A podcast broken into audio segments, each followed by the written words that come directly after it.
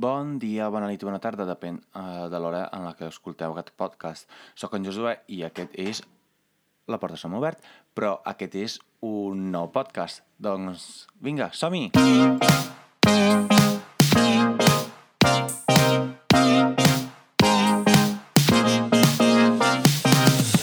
Molt bé, doncs el podcast d'avui va sobre uh, un tema que no sé si dir que m'agrada o bé que no m'agrada o bé que de veritat mmm, no m'importa uh, gens perquè no m'he sentit mai una cosa i tampoc em sento una altra. Doncs bé, avui va dels tòpics sobre els italians. Doncs com bé sabreu, doncs, jo sóc italià, jo vinc d'un poble que es diu Carmignano di Brenta i que es troba uns eh, 70 quilòmetres més o menys a l'interior del Veneto i per ubicar-vos millor aquests 70 quilòmetres significa que està lluny uh, de Venècia. És més o menys dir un Barcelona-Vic. Doncs uh, al meu poble hi ha coses molt específiques que es fan només a la zona del meu poble i dels pobles del voltant, però també és cert que n'hi ha d'altres que no són tan comunes al meu poble, però sí són comunes als, it als italians, i llavors aquestes coses són les que fan riure a, a la gent.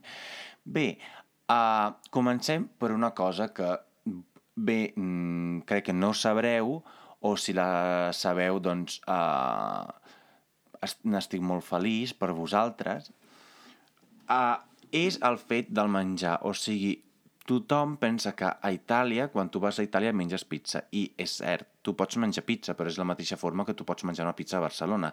I he de dir que he trobat unes pizzeries que estan molt bones. Uh, Ara bé, jo no menja... Quan jo estava a Itàlia jo no menjava pizza cada dia, jo menjava pizza un cop la setmana o com a, molt, uh, o com a mínim cada dues, perquè també és cert que ma mare, eh, ella, a ella no li feia cap gràcia que jo mengés pizza cada setmana, ella deia que havia de variar el, el meu menú, o sigui, menjar les verdures de l'hort dels meus iaios, que en aquella època jo no... Eh, jo no considerava gaire com important perquè jo estava tan acostumat a tenir verdures de l'hort dels meus avis cada dia de tot l'any que se'm feia molt pesat i llavors jo només volia menjar pizza i pasta i no sé què més, quina merda. Però jo sempre volia menjar d'això. Però per què? Perquè jo estava tan acostumat, ara que jo estic vivint a Barcelona, doncs tant de bo tornar a tenir les verdures dels meus, dels meus avis, perquè mm, la verdura que compres al súper aquí, un tomàquet, no te gusta tomàquet. I això pot ser molt tòpic d'una persona que viu a Barcelona i una persona que, que és de poble que diu és que els de, els de poble sempre es queixen perquè viuen a Barcelona i diuen que la verdura verdura no te gusta verdura. Jo, no, és que té raó. O sigui, la verdura que comprem al súper és dolenta.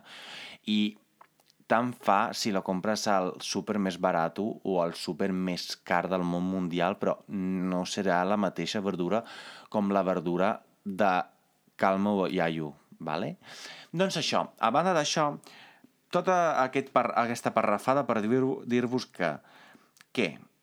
Tota aquesta parrafada per dir-vos que que sí que és cert que a Itàlia es menja pizza, però no és una cosa que mengem cada dia i, tan, i tampoc diem mamma mia cada dia perquè jo, per exemple, que sóc del nord, jo no tinc res a veure amb una persona que té del sud, menys el DNI, eh, la carta d'identitat, que eh, jo encara la tinc de paper, però ara en aquest moment s'està fent també de plàstic, doncs jo no comparteixo moltes coses amb les persones del sud. Però fins i tot eh, és com fer una comparació entre un català i un basc i després un andalús. Mm, comparteixen el DNI? Sí, però la resta, pues, doncs hauríem de veure que comparteixen. Doncs, això són els meus dits. Doncs, què passa?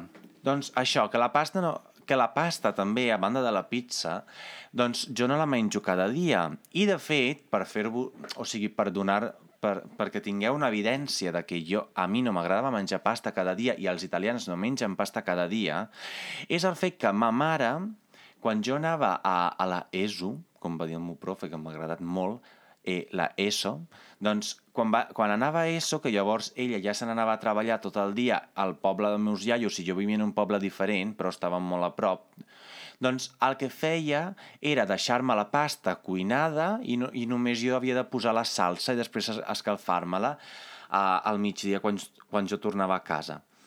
I va arribar un moment en, en què li vaig dir a ma mare que no em tornés a fer més al dinar, perquè no podia veure més pasta. O sigui, era una cosa al·lucinant. No podia veure un plat de pasta que em cagava amb tot Déu, perquè estava tan acostumat a menjar tanta pasta de dilluns a divendres, cada migdia pasta, pasta, pasta, pasta, que va arribar un moment de la mítica frase de pasta e basta. Però basta e basta e basta, perquè estaves fins als collons. A banda d'això, uh, va arribar un altre moment, un altre tòpic, és que uh, els italians és mamma mia, pasta, pizza, mandolino. Doncs no, jo el mandolino, que no sé si en català es diu mandolí, o com es digui, aquella, aquella guitarreta petita que fa... No sé, ara us buscaré un so, us posaré perquè entengueu. Però jo, per exemple, vaig descobrir que era això veient a MTV un vídeo musical d'un cantant italià que sortia un noi amb una guitarreta rara i li vaig haver de demanar a ma mare perquè no l'havia vist mai en ma vida perquè no és una cosa tan comuna al nord com a, a igual a, a, a, a llocs de, del sud d'Itàlia. I llavors això de pasta pizza mandolino tampoc és una cosa molt típica. Ara bé, hi ha coses que sí que són molt típiques, que és que la mama és la mama. És una cosa més worldwide. O sigui, la mama és la mama però per tot arreu. Mm, I que la mama ho faci tot a casa i que la mama sigui la que manin a casa, pues sí, això també. Però, canviant de tema, per posar una mica en context que hi ha tradicions i menjars i altres coses que són molt diferents a Itàlia i que no són pas tòpiques però sí que us la vull explicar és uh, la qüestió del Veneto i al Veneto hi ha dues coses que vaig descobrir l'altre dia xerrant amb amics que no tenien ni puta idea que passava això. Doncs, primer, una cosa molt típica del Veneto és, uh, per sopar o per dinar, és los peodosei que, traduït, és ocells a l'ast. O sigui, imagineu-vos un ast amb pollastres, però en lloc de ser, de ser pollastres, doncs que eh, pajaritos, ocellets.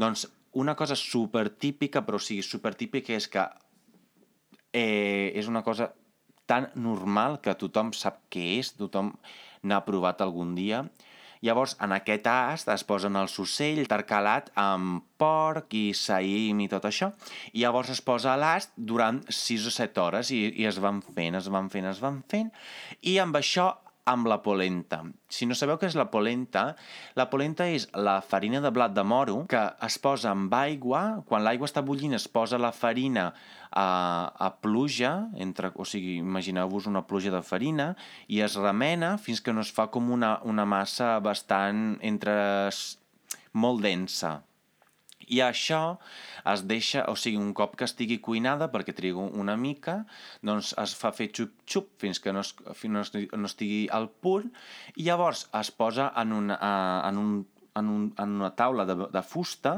i es deixa refredar. Un cop està freda, queda ben espessa i ben, i ben dureta. I llavors es talla en quadradots. I aquests quadradots, amb l'oli dels ocells més oli d'oliva, es fregeix i crea com una capa de fora que està boníssima. Ara bé, a mi no m'agraden els ocells a l'ast, us ho he de dir. Però és una cosa super normal, o sigui, a gairebé tothom li encanten, però és una cosa que no pots fer cada dia perquè no, primer, has d'anar a caçar ocells i segon, t'has de posar allà a treure les plomes dels ocells, que és una feinada, feinada, feinada. Però bé, i aquesta cosa és una cosa que no és gens tòpica, però que la gent igual no ho sabia, però són les coses que fins que tu no vius en lloc, doncs no les, no les coneixes i ni tampoc les descobreixes. I, a banda d'això, això més de caràcter cultural, és la festa de graduació. I cada persona que es gradua a Itàlia és la, es diu triennale perquè són tres anys, la, la, el, que, el que aquí seria el, el grau, doncs a Itàlia eh, hi ha triennale i magistrale, llavors 3 més 2, el que aquí és 4 més 1. I quan tu et gradues fas una festa amb els teus amics i llavors Uh, res, els convides, fas un pica-pica, fas un sopar, fas un dinar, depèn de l'hora que et graduïs, perquè hi ha una universitat que, per exemple, tenen la discussió de la tesi de, de graduació al migdia i n'hi ha d'altres que, fan, que ho fan per la tarda. Llavors, posem el cas de l'última festa de graduació a la, a la que vaig anar. Doncs va ser a, ella es va graduar un dimecres, però ningú podia anar, perquè a més era molt lluny del poble. Llavors ella va fer la festa el dissabte. I el dissabte eh, vam estar uh, en aquesta casa rural al costat del poble, que feien els, els, el sopar allà, i després arriba la part de la festa, perquè o sigui, un sopar tothom pot fer un sopar. Doncs la part de la festa és que la, el, el que s'acaba de graduar s'agafa, es vesteix, o sigui, es disfressa de coses molt ridícules. Per exemple, se li posa un bolquer o què més? Uh, unes calces uh, trencades i, i això. I, I jo recordo, per exemple, que el meu cosí, el que vam fer nosaltres, bueno, eh, mons, mons pares i els seus amics sobretot, doncs ell es va graduar a l'infermeria i li van posar amb, un, eh, amb una compressa li van posar eh, com Nutella o un pudín de xocolata, una cosa així, i llavors ell havia de menjar directament des d'allà, i llavors hi havia posat també un, un, de, a, a, aquella bossa on posen la solució salina, i hi havia un pler d'esprits de, Aperol, i, i llavors havia de veure així, i, i també hi ha aquesta cosa que es diu el papiro, que el papiro és com un foli de A1, A1 més o menys com a dimensions, i allà s'escriuen les diferents eh, etapes de la vida de la persona que s'acaba de, graduar. Per exemple, eh, hi ha l'etapa de el poble, després comença la primària, la secundària, la, la ESO i batxillerat i la universitat i els amors, perquè també una cosa molt divertida són, per exemple, els amors. Eh, jo recordo que quan es va graduar una amiga meva, pitjor, recordo malament, quan es va graduar l'ex d'ella, doncs eh, el papiro aquest es penja per tot el poble, per tot arreu. Doncs resulta que en la, en la secció dels amors havien posat que mentre ell estava amb la de Carmignano di Brenta, la meva amiga, de tant en tant li feia visita a una altra noia i aquesta amiga meva no en sabia res fins al dia que ella es va graduar i ho va descobrir perquè ho van posar els seus amics allà. Bé, com bé heu pogut entendre, els heteros són molt dolents i els del, po els del poble encara pitjors. Doncs això, amb aquest podcast, llavors, eh, he volgut fer-vos unes pinzellades de les coses tòpiques i no tòpiques d'Itàlia. Jo sé que n'hi ha moltes més, per exemple, això d'agafar les mans i, i posar-la com si fos un pico amb totes les puntes dels dits adjuntades, que ho estic fent en aquest moment, jo també ho reconec, però això ho faig sovint, la veritat. I, però no parlem amb, així, parlem amb les paraules, també amb gestos, però amb les paraules també. Bé, aquest podcast és un, només una pinzellada de diferents punts de vista i coses que igual eh, no se n'han parlat mai, però sí que és cert que existeixen, eh, com per exemple els panellets, que jo no sabia què eren fins que no vaig arribar aquí. Bé, fins aquí el podcast d'avui. No, no hi afegiré més, res més. Doncs vinga, passar una bona setmana i una bona castanyada. Adeu.